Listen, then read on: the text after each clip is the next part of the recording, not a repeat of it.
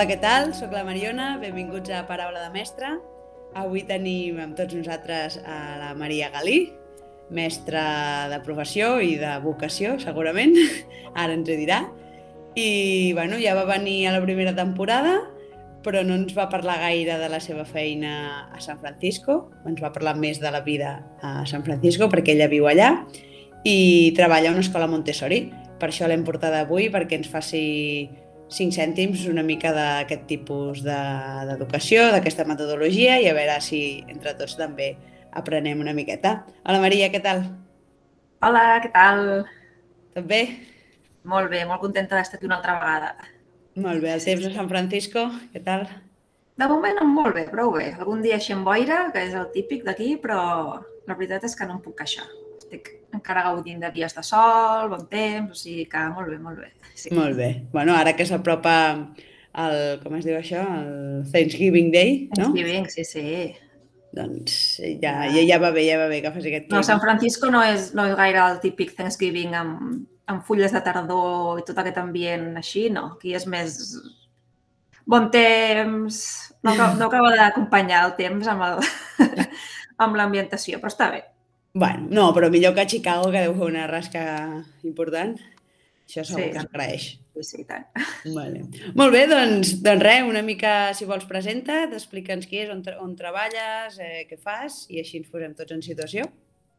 Doncs sí, mira, sóc la Maria, i mm, sóc de Barcelona. De fet, ens vam conèixer amb la Mariona treballant a CASP. Uh, vaig estar, després d'estudiar mm, magisteri, vaig estar un any als Estats Units, aquí, fent un internship, i després ja vaig estar a Barcelona durant set anys treballant als jesuïtes, primer a CASP i després al Sant Ignasi. I després doncs, ja vaig venir cap a San Francisco. Uh, vaig aconseguir una feina en una escola Montessori i vaig estar els tres primers anys um, amb un altre mestre que tenia, a més de la titulació de mestre, l'especialització al curs de Montessori i ara aquest és el meu primer any que estic com de guia de la classe i, i he fet també aquesta formació, de fet encara no l'he acabada, eh, però estic fent també aquesta formació de, de Montessori. Jo a Barcelona vaig estudiar Magisteri i Psicopedagogia i, i ara estic acabant aquesta uh, titulació de mestre Montessori. Molt bé, Déu-n'hi-do, Déu-n'hi-do, déu nhi déu Sí, ja diuen això, no? de sempre anar aprenent, anar aprenent, anar aprenent. Exacte. I, i bé, la... és interessant la formació? Molt interessant. La veritat és que estic molt, molt contenta. Sí, sí, sí. sí. Molt bé, doncs a grans trets, eh, qui era Maria Montessori, eh, què va fundar, què va, quina era seu, a grans trets, quina és la seva metodologia? Maria Montessori va néixer a Itàlia, el 1870, o sigui, hem de pensar una mica lluny, al segle XIX, no? I mm, va ser, de fet, es diu que és la primera dona que es va graduar de Medicina a Itàlia, en aquella època on les dones encara eh, gairebé no treballaven i si treballaven, doncs, potser eren mestres, no? justament, mm. o algunes poques formacions. I ella va voler fer medicina, va estudiar medicina i, de fet, va, va començar a treballar a Roma eh, en una ala de l'Hospital de Psiquiatria. I això la va començar a portar a veure, a treballar amb persones que tenien discapacitats, que en aquella època es consideraven malalts mentals, i va començar a interessar-se per tot aquest eh, aspecte i sobretot amb nens. I aleshores eh, va començar eh, amb, un, amb una aproximació molt científica que era eh, observar els nens i recopilar dades del que observava. No? A partir de tots aquests interessos eh, de medicina i també li agradava molt la filosofia, eh, va anar desenvolupant un mètode d'educació que no va ser una cosa que ella va fer en dos dies, sinó que es va anar creant al llarg de la seva vida, de fet, i el va anar desenvolupant al llarg de la seva vida, però que va acabar sent una, un mètode que encara avui en dia existeix. I mm. és un mètode que, que bàsicament el que el fa és una filosofia en concret. És una filosofia del que es creu eh, que és un infant i, i com ha de ser educat un infant. Però aquesta filosofia després té unes eines que són els materials Montessori o l'ambient Montessori que ajuden no, a, a assolir l'objectiu que Maria Montessori es proposava en l'educació dels, dels nens. Això una vale. mica... Molt bé.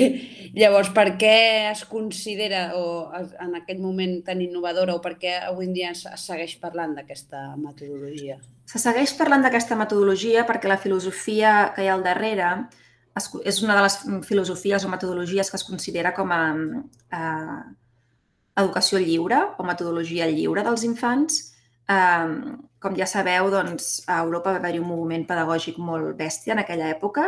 Mm. Eh, Maria Montessori no va ser l'única, en va haver-hi molt, moltíssims altres. I tots aquests moviments van quedar una mica aturats per les guerres. Eh, les guerres mundials i eh, a Espanya la Guerra Civil. De fet, Maria Montessori va viatjar molt, va estar vivint a Barcelona i va marxar de Barcelona quan va començar la Guerra Civil. Uh, ella també va estar vivint després a, a Índia, uh, va viatjar als Estats Units i va acabar morint a Holanda, no? Però um, va haver d'anar bastant amunt i avall i, evidentment, les guerres doncs, no van ajudar en aquest sentit a l'educació.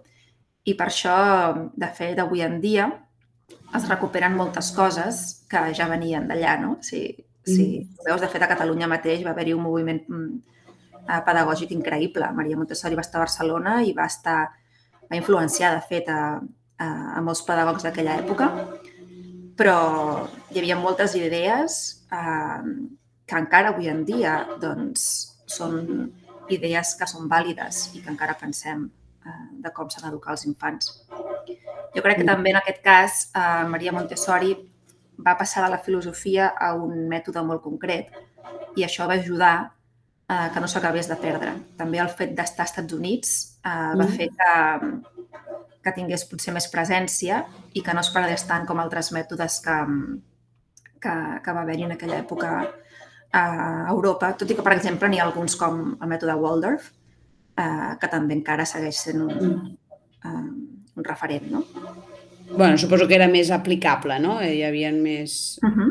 Bueno, i també va escriure, sí, va escriure més clarament què s'esperava dels mestres, dels alumnes, de l'ambient, d'aquests materials. I aleshores, una cosa que als mestres ens passa moltes vegades, no? que, que llegim pedagogs i diem, sí, sí, molt bonic, però això com ho faig a l'aula, no? Exacte. I ella, com si diguéssim, doncs, va concretar bastant més eh, aspectes d'aquests, que ens ajudaven més en els mestres, jo crec. D'acord. I es pot aplicar a totes les edats o és més per unes edats en concret? Perquè has dit que els educació més lliure, no? I això avui en dia aquí es, es relaciona més amb educació infantil. Sí, de fet, ella el que es, amb el que es va centrar bàsicament va ser en l'educació infantil, eh, mm. exactament. Um, del que seria l'edat dels 3 als 5 anys, és el que ella es va centrar uh, al començament de tot, però després també ella va començar a desenvolupar el que serien les edats, les edats de la primària i ella també es va dedicar a desenvolupar aquest mètode al llarg de la primària. A secundària, el que seria la nostra secundària, també va començar, és a dir, també hi ha alguns llibres que, que parlen de, de, de secundària, però no va poder um, aprofundir tant mm. i, de mm. fet, va ser el seu fill que després va continuar una mica la seva labor i va acabar de desenvolupar el que seria la metodologia a la secundària. També, mm. també després, ella va desenvolupar el mètode amb nens més petits. És a dir, de fet, pots trobar um, escoles Montessori amb metodologia Montessori a partir dels 3 mesos. Ostres! Sí, a partir dels 3 mesos. Mm -hmm. Val. Sí, sí, sí. Val, llavors ja eh, veiem que no és una cosa de 3 o 5 anys, sinó que es pot aplicar en, fins i tot, com bé dius, no? a secundària. I llavors el rol de l'infant o de l'alumne en, aquest, en aquest cas, exactament Quin és? Bueno, rol d'infant, rol de mestre, si vols explicar una mica, perquè tot deu estar connectat, no? Eh, el dia a dia com és? Sí, a veure, um, per Maria Montessori el més important era que, que o sigui, l'educació havia de ser preparar el nen per la vida uh -huh. i, i, i el que era la seva, el que seria la seva realitat, no? I, i per tant volia que el nen pogués ser una persona independent, tal i com un adult volem que pugui ser independent, doncs mm. vol que eh, el nen pugui ser independent, tant emocionalment com físicament, eh, en tots els aspectes personals. eh, que estimi la feina, és a dir, que vulgui treballar, per ella és molt important treballar. Un adult que no treballa, per ella, doncs, eh, és un adult que no acaba de ser funcional, com si diguéssim. Que curiós. I, i per tant, és important no només treball, eh, em refereixo a treball remunerat, no? que potser és el que pensem d'entrada, sinó tenir passions i voler fer coses. Que és el que al final ens mou a la vida, no? el, el voler fer coses, fer coses. T'ha motivat. Feines, exacte, tenir passió per algunes coses, mm -hmm. uh, enfrontar-se a reptes, no? Per mm -hmm. això ella també és una feina, no? Diria que és una feina. Uh, tirar endavant um, reptes i passions. Um, després, un altre tema seria el, el d'aconseguir concentrar-se. Concentrar-se, per poder concentrar-se vol dir que has de poder controlar la teva ment i el teu cos. I, i vol que els nens doncs, també puguin um, fer això, no? doncs, controlar ment, cos, descobrir els seus talents eh, per poder concentrar-se en aquestes feines, en aquestes passions que, que ells tinguin. I per fer això doncs, també doncs, han de poder tenir una, una autodisciplina que, mm -hmm. que ella vol que aprenguin ja de petits els nens, perquè creu que és important també per l'edat adulta. I, evidentment, tota la part del que seria la part social, no? de relacionar-se i comunicar-se amb, amb qualsevol persona. I aleshores eh, ell el que fa és eh, crear un ambient eh, on tots aquests aspectes es, els nens els puguin desenvolupar. És a dir, crear un ambient i una manera de, de, de guiar els nens, que els nens doncs, puguin tenir independència. Això vol dir, moltes vegades se sent que Montessori no parla de l'edat dels nens. I, sempre dic que sí que és una llibertat amb límits. És a dir, al final els nens també necessiten aquest rol del mestre que a Montessori és el guia, no? Bàsicament, el mestre um, es diu que és un guia que, que està allà observant els nens, mirant les seves necessitats i oferint el que aquests nens necessiten per poder desenvolupar totes aquestes coses. La, la formació Montessori eh, té una part molt específica del que serien les, el que en diuen les lliçons, on, on el mestre aprèn lliçons. Eh, la majoria són molt manipulatives, són lliçons mm. on hi ha molts materials manipulatius i on el nen doncs, té molta llibertat de moviments, en alfombres, taules, una mica on, on ell se senti més còmode. I hi ha una part molt important que és l'observació. O sigui, tu com a mestre t'has de dedicar en part del, del teu dia a seure i observar, simplement seure i observar. Eh, què estan fent els nens? Apuntar què estan fent els nens. I després també tens el que en diuen les eh, reunions individuals, suposo que seria en català, eh, que és on parles amb els nens individualment i simplement els hi expliques el que has observat. O sigui, els he observat que estaves treballant amb això. Això vol dir que t'agrada molt? Quina és aquesta passió teva? O he observat quan seus amb aquest eh, company estàs parlant molt. Eh, creus que és una distracció? I en, en forma de pregunta eh, guies els, els alumnes eh, anar doncs, desenvolupant tots aquests temes no? d'independència, de passió per al treball, d'autodisciplina, de comunicació. A ells directament, no?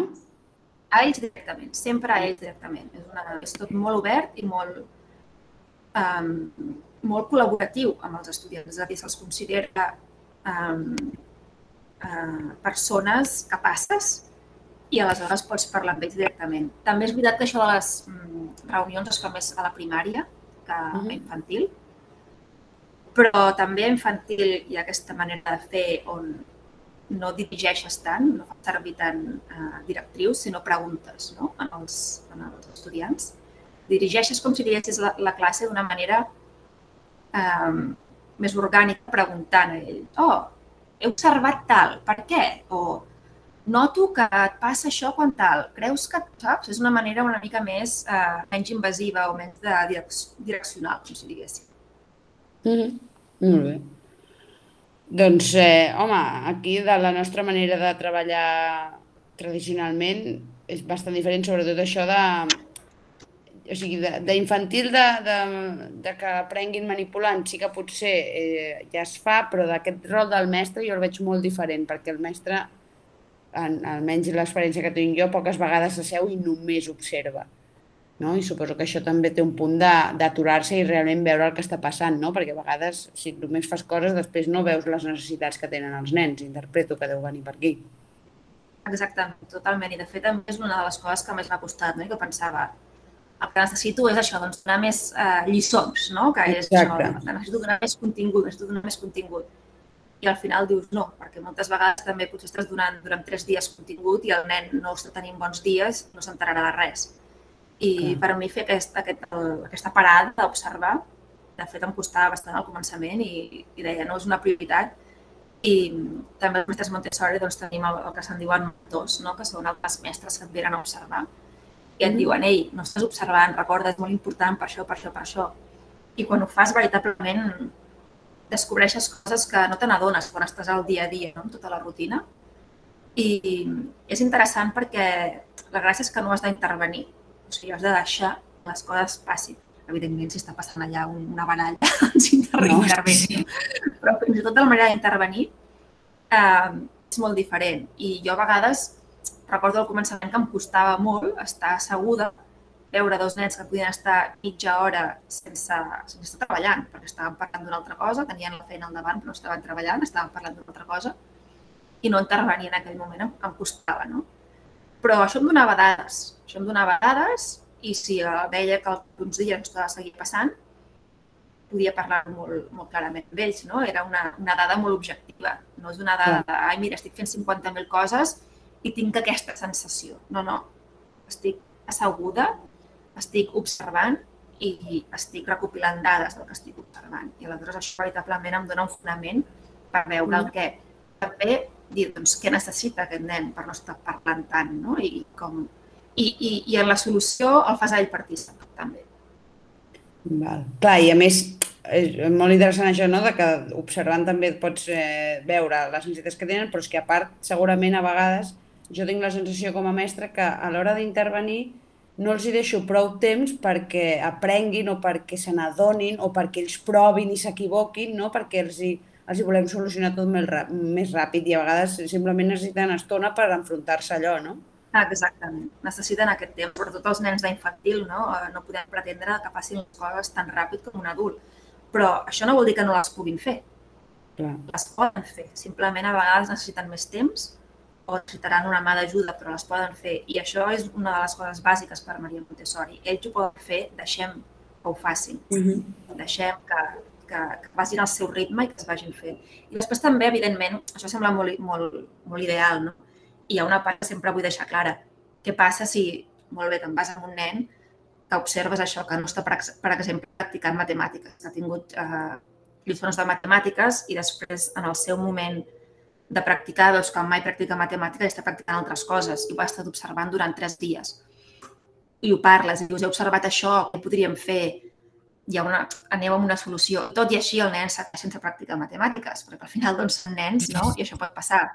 Doncs, evidentment, també hi ha uns moments on el mestre diu hem de fer un horari, has de practicar matemàtiques i això ja no és una cosa que tu pots decidir lliurement, sinó que ha d'estar inclosa en el teu planning del dia o en el teu horari del dia, sí o sí. O sigui, també hi ha moments on tu fas aquest, com si diguéssim, no? El cop de taula sí. que diríem del mestre. Sí, però bueno, suposo que arribes a aquest, a aquest moment o a, o a detectar això perquè prèviament deus, has observat i has vist que tenia una mancança aquí, no? Exacte, però li has deixat el seu temps, has deixat el seu temps Exacte. i, de fet, moltes vegades ells mateixos eh, ho fan. Els, els has de recordar, evidentment, aquell dia, ei, recordes que vam parlar que potser no s'estaves mm. practicant matemàtiques?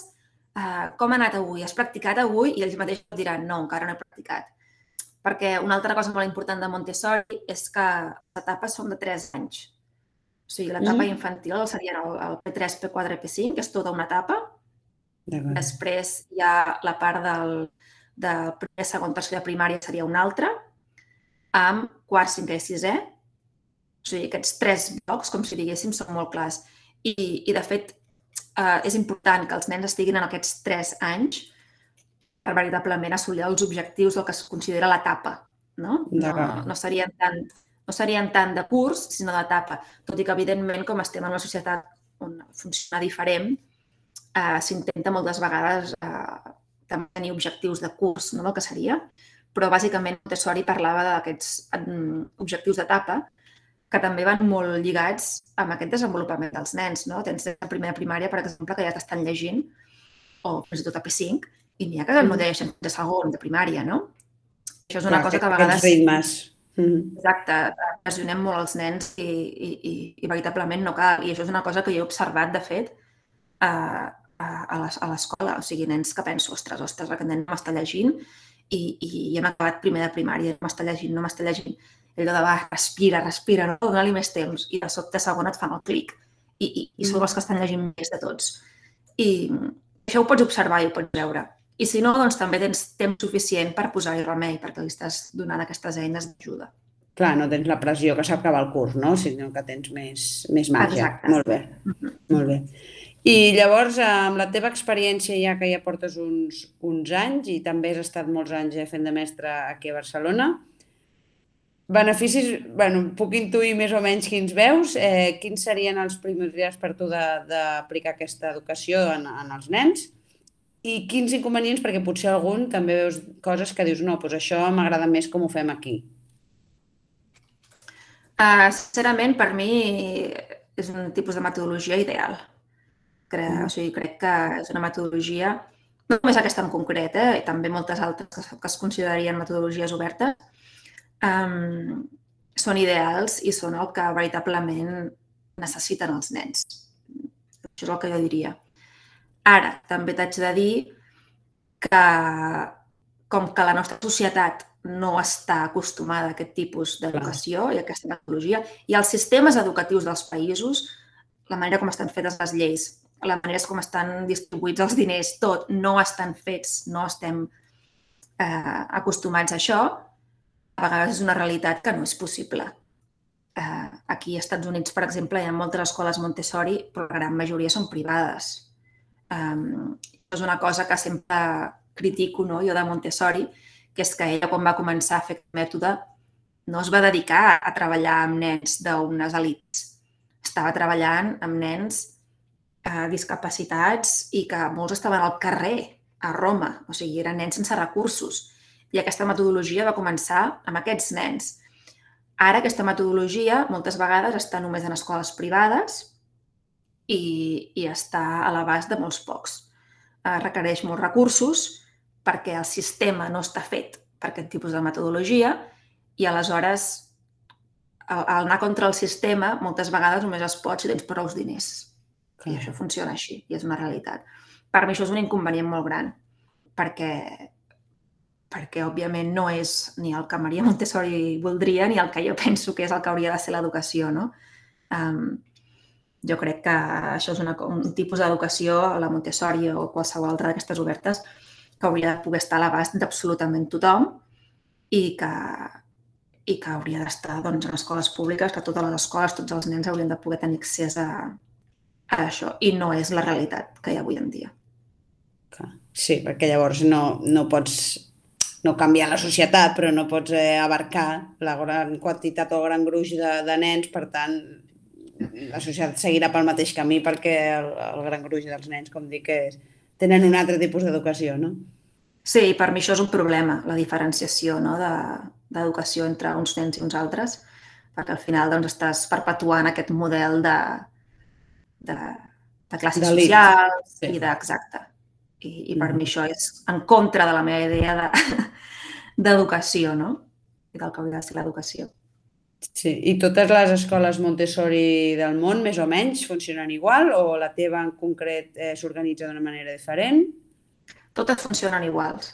Totes, eh, tu pots anar a qualsevol escola Montessori del món i la metodologia és la manera. Eh, la manera de fer del mestre és igual, la manera com es tracta els alumnes en principi eh, és la mateixa, eh, els ambients, no? que són el que serien les classes, també, i, i evidentment els materials, també.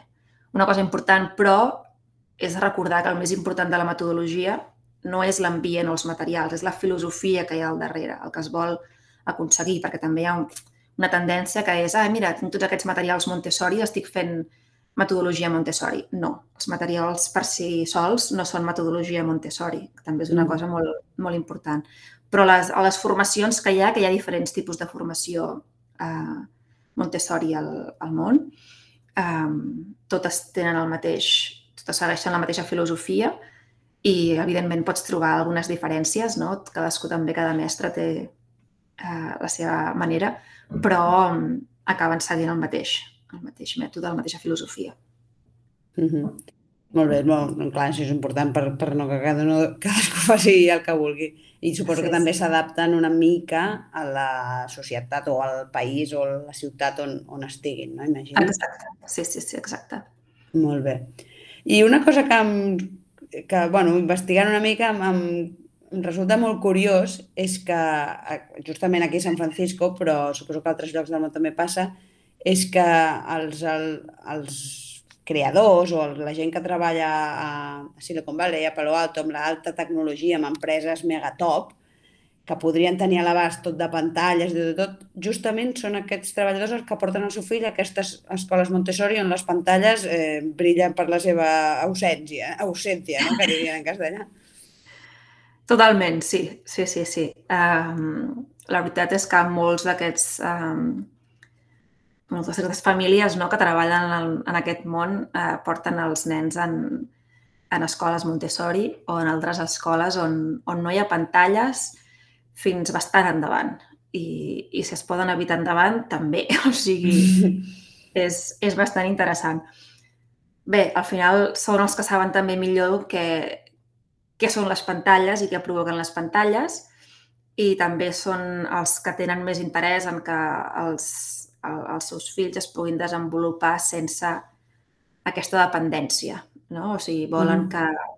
Bàsicament no volen que el nen ja de petit tingui aquesta dependència um, on l'estímul sigui només a partir d'una pantalla, on la passió només sigui a partir d'una pantalla i, i tot quedi reduït només a, a això. Ells tenen aquest interès de, de que, el, de que els nens doncs, puguin estar amb la naturalesa, eh, puguin descobrir altres talents seus, eh, tota la part del moviment també és molt important, no? el control del cos i el moviment.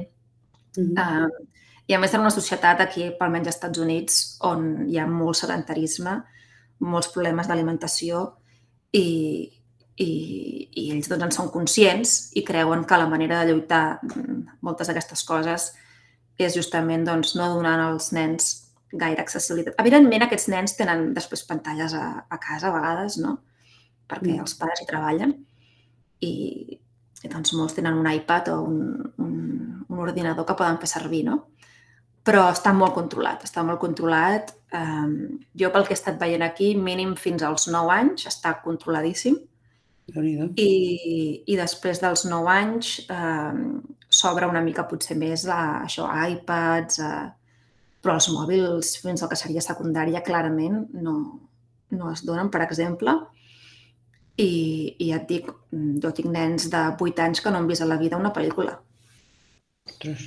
Sí, és bastant, bastant sorprenent. De fet, recordo, la, recordo el primer any que vaig voler posar Coco, perquè fèiem el Dia de los Muertos aquí a la meva, a la meva classe i, i va ser un escàndol, va ser un escàndol perquè em van dir, com, una pel·lícula a? No, no, no.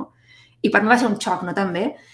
També en aquest sentit, doncs, eh, clar, jo dic, a veure, Maria Montessori no tenia pantalles perquè va néixer al segle XIX, no? Clar, no n'hi havia perquè no existien. De fet, també jo sóc una mica, no sóc en aquest sentit tan antipantalles, sóc això, jo dic, eh, Maria Montessori estava d'acord a l'època i, evidentment, no hi havia pantalles doncs, perquè no n'hi havia a la seva època, però tampoc crec que l'opció sigui aquesta prohibició de pantalles o absència. I, de fet, hi ha algunes escoles Montessori i a la meva classe, sense anar més lluny, on hi ha un ordinador i, i a vegades els nens per fer investigacions o cerques eh, i els deixo fer servir l'ordinador sense cap mena de problema. O sigui que també això ara és un tema de debat. No? Vol dir, aquí a San Francisco no, no es porta gaire perquè és aquest ambient, però no és una cosa que sigui Montessori. O sigui, Montessori no tenia pantalles, doncs això, no? Perquè era del segle XIX la dona. Però, però jo crec, jo sóc de l'opinió que també ens hem d'adaptar al, als temps. I, I a vegades trobar els equilibris és, és l'important, és important. Sí, no, i al, i al cap i a la fi és l'ús que li donguis en aquesta pantalla, no? Exacte. És a dir, si és per buscar o per eh, això, per investigar, per trobar alguna informació, està, vamos, jo penso, està més que justificat, però per posar-te a jugar a una aplicació o un joc perquè sí, doncs no, perquè, ja, com bé dius, molts ja ho tenen a casa. No? Totalment, i al final, si el nostre món està ple de pantalles, jo crec que si justament els volem educar per la vida adulta, mm. on tindran pantalles per tot arreu, l'educació amb aquestes pantalles també és de vital importància. I de la mateixa manera que estem intentant que coses que considerem d'adults les facin ja o les aprenguin quan són nens, doncs jo soc de l'opinió doncs, que també les podem eh, començar a educar quan són, quan són més petits. Sí, que discerneixin, també aprenguin això, no? a saber quan utilitzar-les, quan no i per què. De fet, tenim un episodi, aprofito per dir-ho, en aquest podcast que parlem això de les pantalles, però una mica és aquesta conclusió, no? és, és l'ús que li treus, és a dir, les pantalles hi són i hi seran i les faran servir. Per tant, si aprenen, és la meva opinió almenys, doncs com manejar-les, doncs, doncs millor abans que prohibir-les perquè en algun moment de la vida se la trobaran, està clar. Exacte. I més que res això, si és una necessitat, o sigui, estem parlant de bàsicament el mètode mm, eh, parteix de les necessitats dels nens. Si tu estàs a les classes fent qualsevol cosa i hi ha una necessitat, perquè allò no ho trobes en un llibre, has d'anar a la biblioteca i potser ho necessites... Sí que anem a la biblioteca, per exemple, cada setmana, no? Uh -huh. Però, però hi ha vegades que els nens tenen aquella motivació, aquella passió en aquell moment de necessito això i no tenim cap llibre en aquell moment, doncs, doncs ho mires a l'ordinador. No, i que els llibres estan editats perdó, sí, que dels llibres estan editats i fets en un moment i no estan, no s'actualitzen sols. En canvi, internet sí que tens la informació actualitzada, això està clar. Exacte. O sigui, això és la meva opinió. En el món Montessori hi ha moltes opinions. Hi ha els més puristes. Jo no sóc de les més puristes, però trobaràs de tot i, per tant, això és una opinió meva i no és una opinió Montessori, això està clar bueno, no, no, està totalment... És normal que tothom, tothom tingui la seva opinió, està clar. Sí. Molt bé. I després també et volia preguntar sobre... Clar, perquè des d'aquí a Barcelona veiem com molt idealitzat el món, la vida als Estats Units, però la vida del mestre, ja no només de Montessori, en general, la vida del mestre suposo que deu ser diferent escola pública, escola privada, però com és? Eh, guanyen bé la vida? Estan ben valorats socialment? No? A veure, depèn bastant dels estats. Cada estat és una mica un món però, però no, estan, no estan més valorats que, que a Espanya, això segur. De fet, en, en molts llocs és encara pitjor. Mm. I també canvia si, segons si ets um, mestre d'escola pública o d'escola de, privada, però en general hi ha una falta de recursos molt bèstia fins al punt... Jo diria que, estem, que estan pitjor en general que a Espanya. Mm. Els, els, la mitjana de mestres, eh, de, que seria la mitjana de mestres d'escola pública, en general diria que estan pitjor que a Espanya. Uh, molts mestres, sense anar més lluny, per exemple, això no és una llegenda urbana, és, és la realitat, han de comprar els materials bàsics dels seus nens, com llapis, o sigui, coses superbàsiques, amb els seus propis diners, per exemple. O sigui, són nivells... I això no és una llegenda urbana, passa molt i passa en molts estats diferents. Hi ha estats on és diferent, sobretot als estats també on, on hi ha una forta política municipal, perquè hi ha estats també eh, on està molt descentralitzat i aleshores eh, al municipi, si hi ha municipis que doncs, hi donen més importància, potser aquelles eh, àrees estan una mica més ben considerades i els mestres estan millor. Eh, però en general, per exemple, hi ha un, ara mateix una escassetat de mestres gran, perquè molts mestres, sobretot amb el, amb el, amb el virus i el que, tot el que ha passat, no? molts mestres han deixat la feina. Um, mm. Aleshores, de forma general, no és, no és idíl·lic com, com, es, com es viu. Ara, també és veritat que tens oportunitats increïbles que per mi és més difícil de trobar a, a, són, més, són més difícils de trobar a Espanya. No? És a dir, una cosa és la, la, la, la mitjana de, de mestres, però també les oportunitats que, que hi ha i, el, i de, de, de canvi, de creixement, poden ser per mi molt més grans que, que les que trobava a Espanya. Jo crec que allà, comences de mestre i de manera com comences a treballar i quan acabes, la teva experiència haurà canviat, el teu sou haurà canviat una mica segons el conveni i els anys que portes i aquestes coses, però no té per què canviar gaire. No té per què canviar mm. gaire. Aquí als Estats Units pot ser el mateix cas o pots aconseguir molts canvis. Pots aconseguir molts canvis. Sí, això és més, és més diferent que aquí, jo crec. Sí, sí, sí. sí. Sobretot aleshores en el, en el, en el món privat, és clar.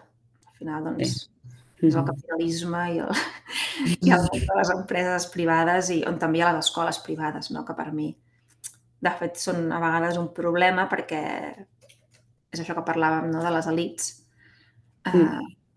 però que també són les que a mi personalment, per exemple, m'han permès mm, créixer personalment i professionalment un munt. Mm. Molt bé, i hi ha molts mestres estrangers als Estats Units?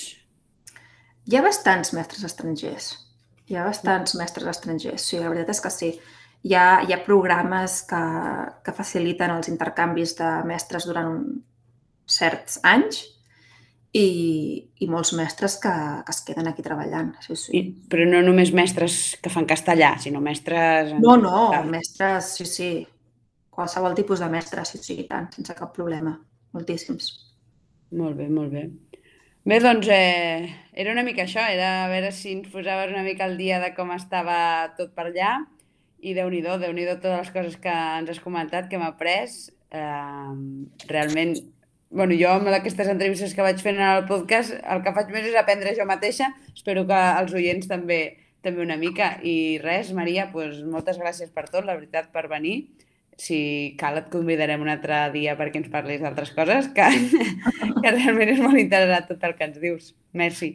Moltes gràcies a tu i sí, estaré encantada. Si algun dia vols que t'expliqui més específicament què fem en una classe de primària o què es fa en una d'infantil, encantada perquè també hi ha molta xitxa. O sigui que també contenta de tornar a venir. Doncs t'agafo t'agafo la idea, que, que, que està, estaria molt bé que ens poguessis així detallar més, més concretament. Doncs el, dit, el que he dit, moltes gràcies i ens escoltem a la propera. Gràcies, adeu. Adeu.